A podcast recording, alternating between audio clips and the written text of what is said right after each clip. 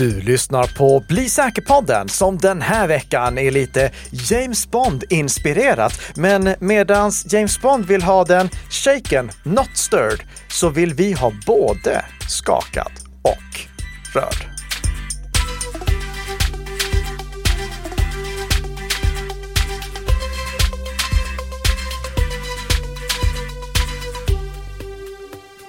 Skakad och störd höll jag på att säga. Är du eh, IT-säkerhetsvärldens James Bond? Nej, det skulle jag inte säga. Det, Inte? det, nej, jag kan inte bära upp den. Jag kan inte bära upp den. Men nej. Q då? Eh, Ja, kanske. Det är Kanske. en nya Q i de nya Q-filmerna som spelades, eller vad heter han som spelar nya Q? Strunt samma, det här är Bli säker-podden i alla Jaha, fall. det är inte Ja. filmrecensionspodd uppenbarligen. Oavsett det så är den inspelad den 29 november. Sen hoppar vi över en hel månad kan man säga. Eller till en ny Ja. månad snarare. För då eh, lyssnar ni på detta den första december. Va? Mm. Snart midsommar. Ja, eller juli i alla fall. Och eh, podden är som vanligt producerad i ett ekonomiskt oberoende samarbete mellan Nika Systems och Bredband2. Men någonting som ni inte är sådär jättevana vid, det är ett nytt inslag som vi troligtvis bara kör den här veckan, nämligen veckans facepalms. Plural där alltså. Ja, två stycken. Ja. Två gånger har jag verkligen tagit mig för pannan den här veckan. Första gången var eh, när jag besökte Android Police webbplats. Det är en bra eh, sajt som skriver om Android-relaterade nyheter. Men när jag besökte den webbplatsen så fick jag upp en sån här samtyckesbanner. Det är, de flesta samtyckesbanners blockeras ju av eh, Firefox och uBlock Origin nu. Men eh, den här dök upp och rubriken den var citat We value your privacy. Alltså, vi värnar om din personliga integritet. Och sen listar de 1486 partners. Det blir liksom lite parodiskt. va? Ja, det, här måste jag ju då förklara för Android Police att nej, det, det är precis det ni inte gör. Ni värnar inte om min personliga integritet ifall ni ens överväger att dela min information med 1486 partners. Ja. Ja. Eh, Peter, du har någonting som eh, inte alls är eh, Ja, eh, det, det, det är inte eh, roligt ens, utan det här är bara tragiskt. Ja. Står inte du lite väl nära mig nu? Är inte du rädd för att jag ska ta all din information på din telefon? Det är jag inte det minsta rädd för. Nej, så där, ja. Men däremot så förstår jag att det finns de som kanske har trott att de har skäl att vara det. Ja, nej, men det är så här att eh, Washington Post rapporterar att flera amerikanska polisiära myndigheter eller då, alltså lokalpoliser runt Ja. om i, i det där landet och även nyhetsbolag varnar för en ny funktion på Apple-telefoner som heter Name Drop. Då.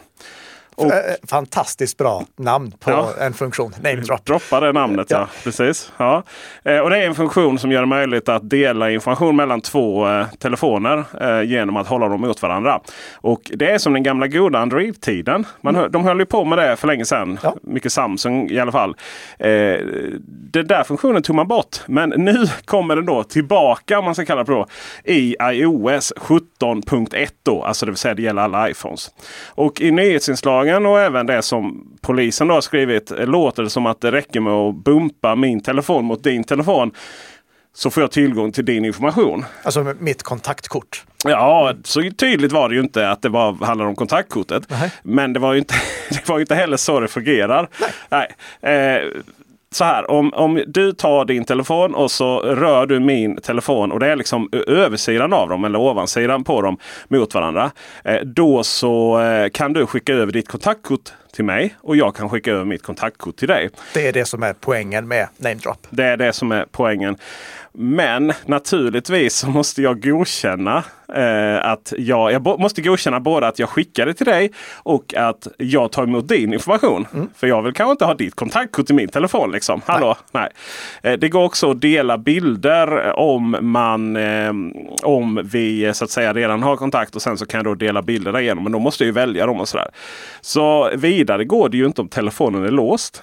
Nej. Alltså ligger den i fickan så, så det, det är lite så här, var inte det här hönan av en fjäder? Verkligen. Det är eh, ren skrämselpropaganda som är en otrolig misstjänst, björntjänst för samhället. För det finns inget skäl att vara rädd för att någon skulle gå runt och stjäla ditt kontaktkort, kontaktkort genom att blippa sin iPhone mot din utan att du märker det. Vilket är det som antyds i de här varningarna. För som du sa Peter, telefonen måste vara olåst för att det överhuvudtaget ska ske. Och du måste godkänna det för att det överhuvudtaget ska ske. Så det här är liksom en risk som inte existerar. Den här existerar ännu mindre än den här risken som vi har också sagt är tramsig, att någon skulle försöka stjäla ditt betalkortnummer genom att försöka blippa NFC ja. på ditt betalkort. Också en sån här attack som inte förekommer.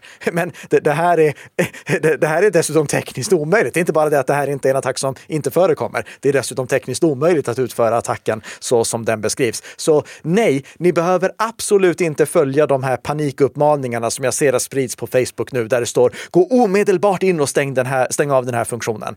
Eh, uh, Gör den inte det? Har den på? Den är jättesmidig. Den är jättesmidig. Det, ja. alltså, Okej, okay. Jag tror aldrig jag kommer använda den. Men, det... ja, men jag, jag har faktiskt använt den några gånger. Jag visste inte ens att jag hade den. Det var en så här, ja men du kan... Då var det faktiskt jag skulle ta över bilder istället. Ja.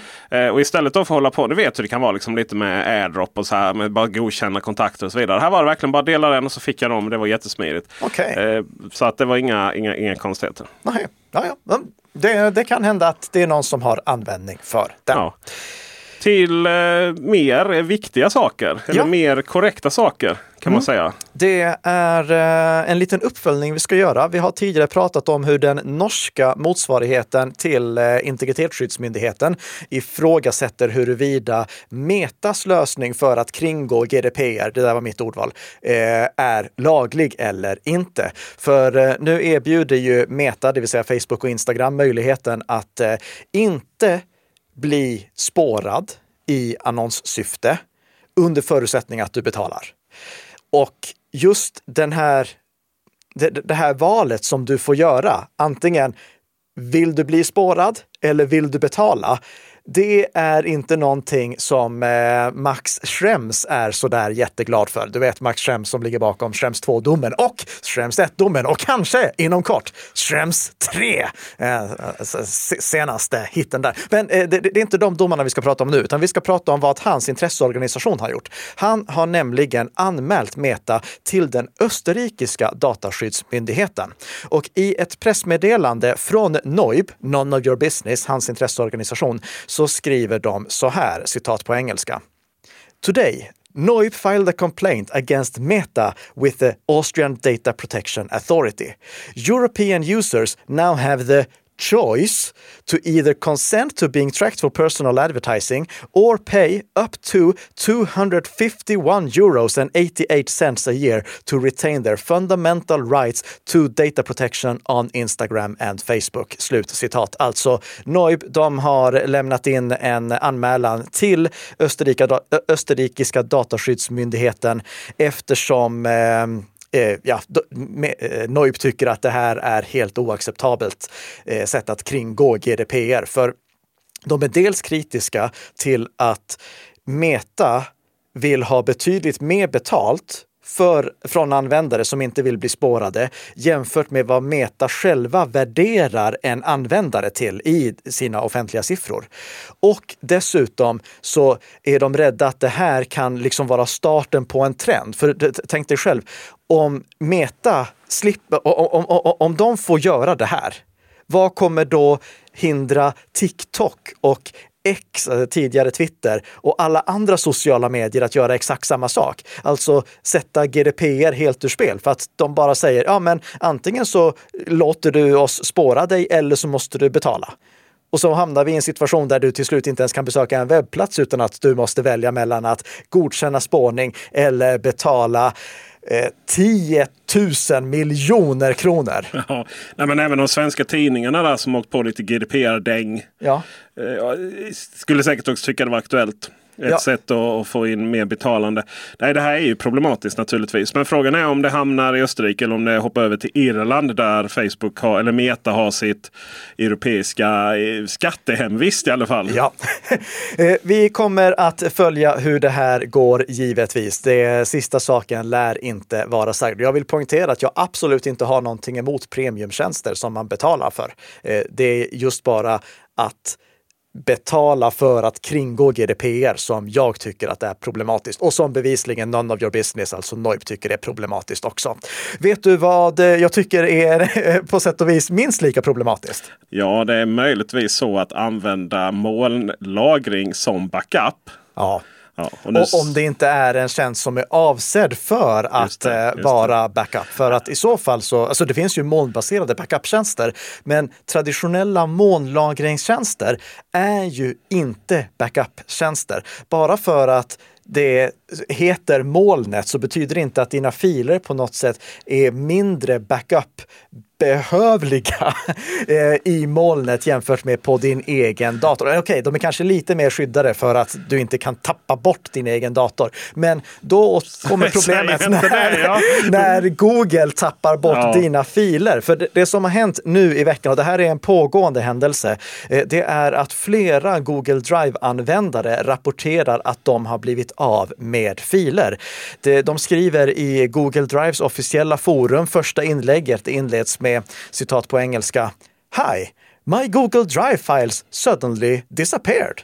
The drive literally went back to condition in May 2023. Data from May until today disappeared and the folder structure went back to the status in May. Slutcitat. Alltså, hej! Mina filer på Google Drive plötsligt försvann och allting återställdes till så som det såg ut i maj 2023. Jobbigt läge. Ja, eh, här får vi ju då säga att tur är, okej, jag, jag tänkte vara jättedryg och säga tur att han eller hon inte blev av med några viktiga filer. För att viktiga filer lagrar man ju inte bara i molnet, men det var, det var eh, oerhört drygt av mig att säga så. Ja, det är, Ja. Inte, det är ju problematiskt. Och- Och det är inte heller bara en policyfråga. Jag har typ 16 terabyte på Google Drive Mm. via Google Apps. Mi- Min dator har som mest en terabyte utrymme. Ja. Och min eh, nätverkslagring som jag faktiskt synkar då upp mot Google Drive. Den kan ju bara eh, Den kan ju antingen då synka båda, båda hållen, synka upp mot Google Drive eller synka bara ner från Google Drive till den. Men någonstans då så eh, blir ju backupmässigt så blir det möjligtvis så att min NAS då blir backupen för Google Drive. Eh, Det blir Ja, det, eh, eh, jag kan säga, eh, du som har en NAS är ändå lyckligt lottad i det här sammanhanget, för du kan automatisera det, alltså en nätverkslagringsenhet. Men det, vi, vi har egentligen fått ett problem som vi inte hade förr i tiden på grund av att vi har börjat använda datorer med mindre lagringsyta. Eh, du vet, eh, eh, backar vi tillbaka tio år i tiden, då hade vi hårddiskar i våra datorer. De rymde jättemycket. Men sen så gick vi över till att ha SSD-lagring istället. Och det är jättefördelaktigt, för det är mycket, mycket snabbare. Det går mycket, mycket snabbare att starta datorn. Ehm, men problemet är ju att SSD-lagringen är betydligt dyrare, åtminstone när vi börjar prata om stora lagringsvolymer. Och Apple jag får säga att de är bland de värsta. Apple tar så sjukt mycket betalt för extra lagring i sina Macbooks. Gravt oskäligt mycket. alltså den Ja. fysiska lagringen på datorn. Pre- Precis, det, de, de tar oerhört mycket extra betalt för det. Vilket då har gjort att flera har hamnat i en situation att de har mindre lagringsutrymme på sin dator än vad de har i molnet. Och det är klart att om du har mindre lagringsyta i din dator än vad du använder i molnet, då kan du inte på något enkelt sätt backuppa allt det som du har i molnet Nej. det, för, förr i tiden när vi hade gott om lagringsutrymme på våra datorer, proportionerligt jämfört med hur mycket filer som vi lagrade såklart. Då var det ganska enkelt att ta backup för att då såg du bara till att säkerhetskopiera din dator och sen så synkade du alla filer med molnet. Men du hade alltid kopior av filerna på datorn, vilket innebar att de också kom med på säkerhetskopian. Så är det ju inte längre. Idag så är det många som bara har sina filer i molnet och inte någon lokal kopia på det. Och vi har ju sagt att viktiga filer, är filer som du har två kopior på. Och om du bara har en kopia i molnet, nej, då är det inte ens en kopia. Då är det bara, då är det bara en fil. Eh, så och, och, och, det här har vi, vi har ingen bra lösning på det. Vi har ingen bra lösning nej. på det. Och, och jag vill slänga in Apple igen här för att de hela, hela MacOS funkar ju på det sättet att du får, om du börjar få slut på utrymme, så får du ju till och med uppmaningen att säga ja men vill du att de här filerna bara lagras eller optimera Mac-lagring kallas det, det ju. Ja. Och då blir det ju att eh, de laddas upp i molnet och när du ska använda dem då och du dubbelklickar på dem då blir det en sån här liten indikator att de håller på att laddas hem. Ja. Så det är liksom en, hel, en del av hela systemet. Så där någonstans så ger man det ansvaret till Apple att filerna skall finnas även om man vill ha dem. Men det är naturligtvis så som du säger, viktiga filer ska finnas på mer än ett ställe, inte bara i Apples moln. Nej, och eh, nu blev det väldigt mycket prat om Apple här, men det är ju för att samma sak gäller där. Det spelar ingen roll om det är Microsoft, Google eller Apple som tillhandahåller molntjänsten. Om de blir av med dina filer så är det inte så att du kan gråta och be dem att göra en stor utredning och se till att återställa de här filerna, utan blir, du av, blir de av med filerna så har de blivit av med filerna åt dig. Och det här är någonting som eh, jag, jag, tror jag måste ta en funderare på vad vi ska ge för rekommendationer här. Mm. Det, för, att det finns liksom inte någon enkel lösning på rak arm. Det, alltså, det jag skulle säga det är ju använda alltid en NAS för att lagra dina filer och be en vän ha en likadan Synology-NAS och så speglar ni de två mot varandra. Men det är ju varken rimligt ur ett kostnadsperspektiv eller ett användarvänlighetsperspektiv. Nej, nej, verkligen inte. Så vi behöver någon ny lösning för att på ett enkelt sätt säkerhetskopiera det som vi har i våra molntjänster. Om du i alla fall vill ta, om, om du har möjlighet att ta en backup på det som du har i Googles molntjänst nu eftersom det är Google som verkar ha blivit av med filer. Det kan ju hända att de lyckas återställa dem, men vi vet inte det än. Eh, Google ger själva rekommendationerna att eh, användare inte ska koppla bort kontot från deras Drive skrivbordsapp, inte radera eller flytta appdatamappen och, och, och gärna eh, ta en kopia på den om de har möjlighet till det. Jag skulle vilja lägga till där också att eh, gå till Google Takeout. Eh, Google Takeout är en fantastiskt bra tjänst där du kan få ut din data från Google och där kan du välja att ladda ner hela ditt Google Drive-arkiv. Men det förutsätter ju att du har någonstans att ladda ner det till. Och det är ju inte någonting som är jättepraktiskt att göra på regelbunden basis. Så det är inte någonting som ersätter en backup-lösning, men det är någonting som du i alla fall kan göra om du aldrig har gjort det för att du ska ha kopior på dina viktiga filer. Och det här är också någonting som du kan göra med till exempel bilderna du har hos eh, Facebook. Du eh, kanske vill ha en, eh, eller du bör ha en extra kopia på dem också tycker jag. Så någon gång då och då kanske gå in och exportera ut alla bilder. Jajamensan, och skulle det vara så att du har blivit av med någonting så kanske, kanske, kanske en Martini löser det. I alla fall för stunden. Uh, ja, det, det, skulle jag nog inte säga. Det, lös, nej, det löser inte. ens om nej. är det, det, skakad. inte, jag kan säga att det löser inte ens en bra övergång. Nej, okay, okay. Men löser det någonting annat då? Ja, vi ska gå in på veckans huvudämne som är Stir Shaken. Och uh, vad är det? Jo, det är den faktiska lösningen på ett problem som vi har dragits med på tok för länge nu, nämligen spoofade samtal.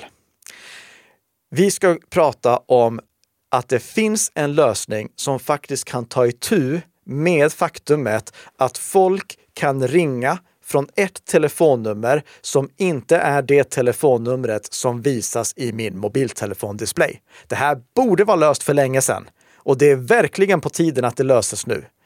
Och vi ska prata om lösningen eh, och eh, vad som görs under tiden i väntan på att den här lösningen förhoppningsvis implementeras.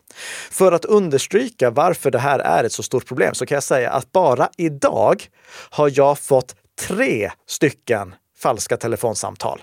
Två stycken som såg ut att komma från svenska nummer och ett som såg ut att komma från ett brittiskt nummer. Jag har ju också själv fått mitt telefonnummer utnyttjat, eh, som vi pratade om i vintras efter att jag hade trampat ett företag på tårna.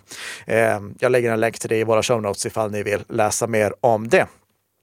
Telia meddelade också i februari i år att de stoppade 29 miljoner bluffsamtal under 2022. Och det är ju en bra siffra.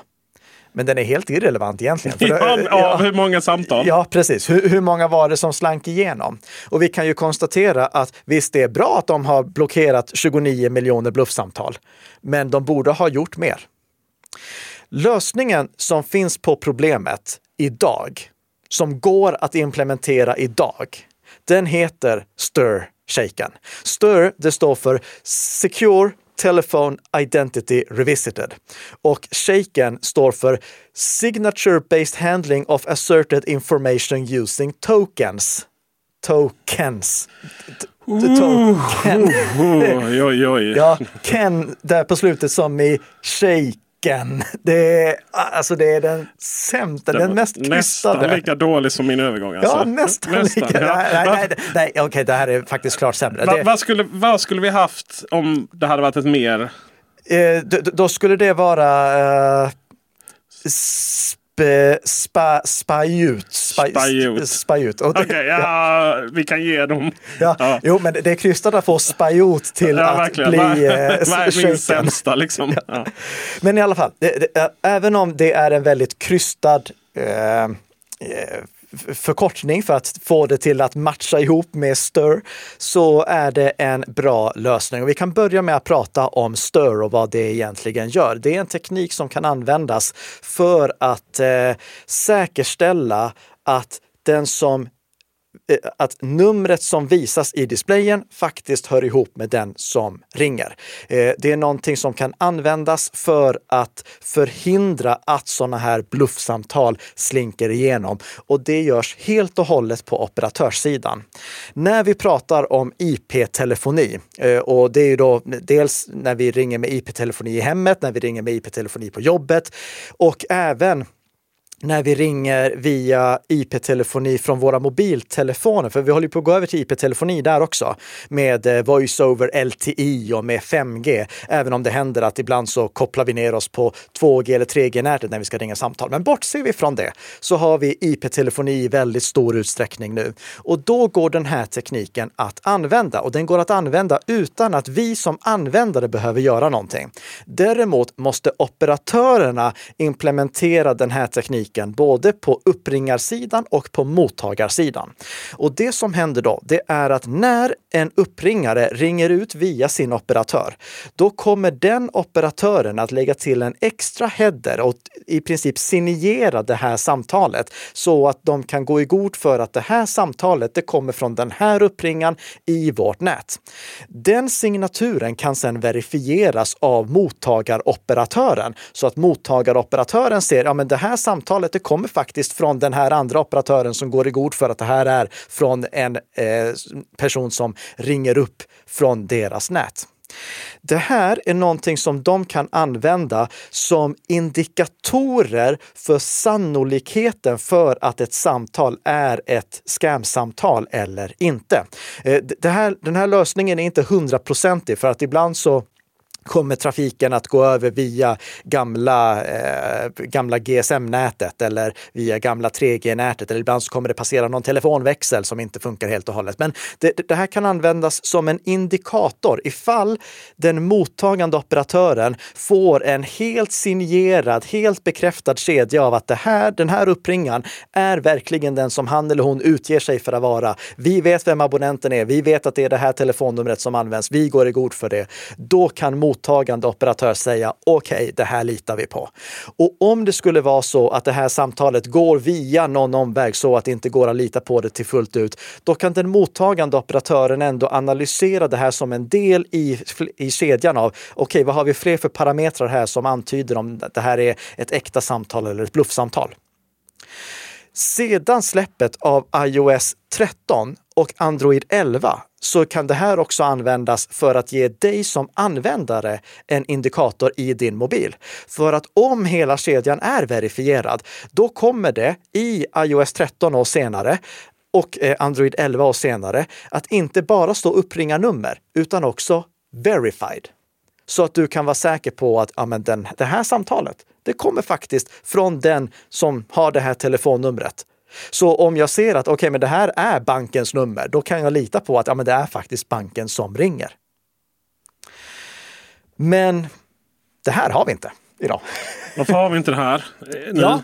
Karl-Emil du är svaret skyldig. Eh, Det är en väldigt bra fråga. Jag tror att det är brist på lagkrav. För att det var först när det FCC i USA satte ner foten och sa att nu ska ni implementera det här som det faktiskt tog fart i USA. Eh, Och jag tror att det krävs någonting liknande i Europa för att det ska ta fart här. För i USA så är de färdiga med det här nu. Men vad då kostar det en massa pengar eller? Ja, eh, det, det kostar pengar för operatörerna att implementera det här. Det, det, de ska ändra saker i sina nät. Det, det, det kostar.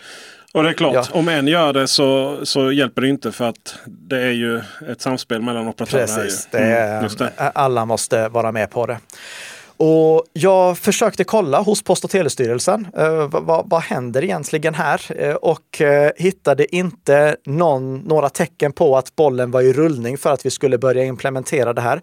Men däremot så hittade jag minnesanteckningar från Nummerforum den 23 april 2023 där Post och telestyrelsen gör en intressant anteckning. De skriver så här, citat.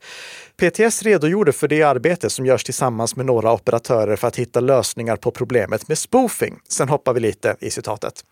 Återigen påtalades vikten av reglering så att alla aktörer måste vidta samma åtgärder. En parallell drogs till eh, Storbritannien där Ofcom infört en rekommendation som vissa aktörer följer men andra inte gör. Lösningar i olika länder diskuterades där Finland och Norge lyftes fram. Även Tysklands lösning nämndes men anses inte vara föredrad och misstänkt spoofade samtal kopplas fram efter att C-Elite plockats bort. Även den mer avancerade Stir-Shaken-lösningen nämndes som används bland annat i USA och framöver även i Frankrike. Slut citat. Så ä- även om Stir-Shaken inte är någonting som PTS nu håller på att trycka ut så är det åtminstone någonting som finns på deras radar. Eh, Och förhoppningsvis någonting som eh, de kommer att eh, kräva att implementeras. Ursäkta, en, jag står för lite comic relief här nu va? Eller Blekingespår som jag brukar säga. För att jag inte förstår bättre. Finns det någon anledning att inte göra de här förändringarna? Jag, du vet, det är, så, det är så konstigt att inte det här bara är ett lagkrav. Eh, det, för, för det första, alla måste vara med på bollen. Ja, jo, men det är ju det regleringen handlar om. Ju. Jo, eh, men då gäller det att välja rätt reglering också. Okej. Eh, Sen eh, eh, kostnaden, givetvis. Eh, Och eh, även eh, gammal utrustning som slutar funka. Ja, jo, jo. Så-. Men folk, kommer, folk svarar inte på... Folk har lärt sig att inte svara. Det funkar ju. Hela Ja, systemet ja. håller på att kapsejsa. Liksom. Det, och det är ju för att alltså, det här skulle, det, det, det är pinsamt att vi står och pratar om det här slutet av 2023. Det här skulle vara färdigt för två år sedan. Ja. Så eh, ja, det, är precis det som kommer hända. Folk kommer sluta svara i telefon. För att hur ska jag kunna lita på att personen som ringer är personen som utger, är, den som han eller hon utger sig för att vara? Om personen inte ringer via signal, för då har vi inte det här problemet. Det där är din eh, signaturreklams eh, mo- melodi Precis. typ. Ja. det b- borde börja ta betalt av signal för Använd signal. Ja. Få en bättre hy. Ja. Men vad gör PTS under tiden då, medan vi väntar på att det ska bli några klartecken här? För jag, jag, tror ju att PTS de väntar på vad, som händer, eh, vad som händer i EU. Eh, men vad, gör PTS under tiden? Jo, eh, i mitten av eh, november så presenterade PTS en ny vägledning för att minska antalet telefonbedrägerier och i ett pressmeddelande så skriver de så här, citat. Idag publicerar vi en vägledning som syftar till att kunna förhindra bluffsamtal från utlandet som ser ut att komma från en svensk avsändare. Genom att stoppa dessa samtal kan operatörerna hindra en stor del av de bedrägeriförsök som görs via telefon." Slutcitat. Och jag tror ju att de två bluffsamtalen som jag fick idag från svenska telefonnummer, de ringde ju från utlandet. Bitcoin. Ja, så det är klockrent att de i alla fall sätter, eh, eh, rekommenderar att operatörerna tar itu med det här. Äh, 2023! ja, eh, okej. och, och PTS skriver också så här. Vi startar nu arbetet med att ta fram föreskrifter baserade på vägledningen och räknar med att de kan börja gälla under 2024. Det innebär att vägledningen ersätts av bindande regler. Och det där var också ett citat som där var slut. Det är så himla så här, myndighets-Sverige liksom. Ja. Ja. Jo, men det, det är ändå Ja, bra. Det, ja men absolut. ja, det- absolut. Heja PTS, det är ett bra jobb. Det, är- det är mycket bättre än det som vi ser med Quack till exempel, där de börjar i fel ände. Att först kräva att någonting ska införas och sen bestämmer vad som ska införas. Eh, PTS skriver bland annat så här i rapporten. PTS bedömer att förekomsten av spoofing i Sverige kan minska påtagligt genom att tillhandahållare eh, följer de rekommendationer som framgår av denna vägledning. Slutcitat. Och vad är det för vägledning som de ger då? Ja, det är uppdelat beroende på om eh, samtalet kommer från ett eh, fast nummer eller från ett mobilnummer. Men det som PTS skriver här, det är att eh, när det gäller fasta nummer så kan, de skriver inte ska, utan de skriver kan, operatörerna helt enkelt spärra samtalet om det kommer från utlandet och utger sig för att ha ett plus 46-nummer. Vara ett plus 46-nummer. För det finns ju inget sammanhang då någon ska ringa från utlandet. Okej, det finns vissa sammanhang och de är faktiskt definierade i vägledningen också eh, när det gäller callcenters och sånt. Men det- det är väldigt sällan som någon ska kunna ringa från utlandet från ett plus 46-nummer. Det är ingen som ska kunna eh, ringa från Lanzarote och låtsas ringa från Blekinge. Nej, gud nej. Det här matchar inte vädret. Nej. Sen så är det lite mer komplicerat med eh, mobilnummer för att mobilnummer det tillhör ju någon som skulle kunna vara i utlandet. Så där är rekommendationen att operatören först kollar ifall mobilen är i utlandet.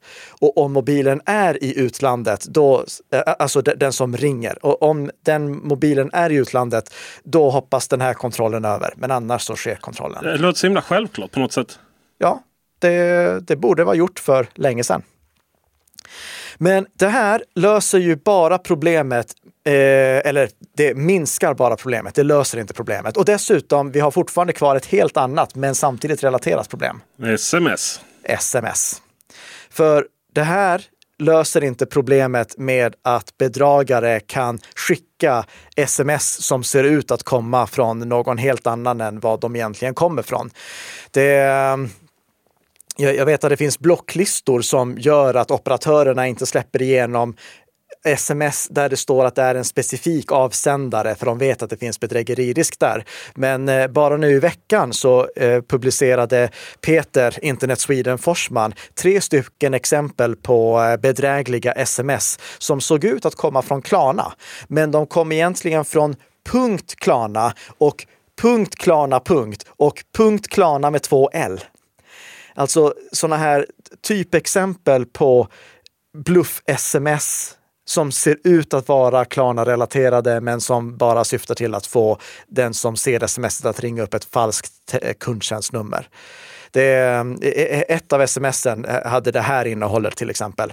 Hej! Din delbetalning på beställning för eh, 8264 hos Guldfynd på 107 000 kronor är nu godkänd och kommer finnas tillgänglig hos, postombud, hos valt postombud inom en till tre vardagar. Folk får ju panik liksom.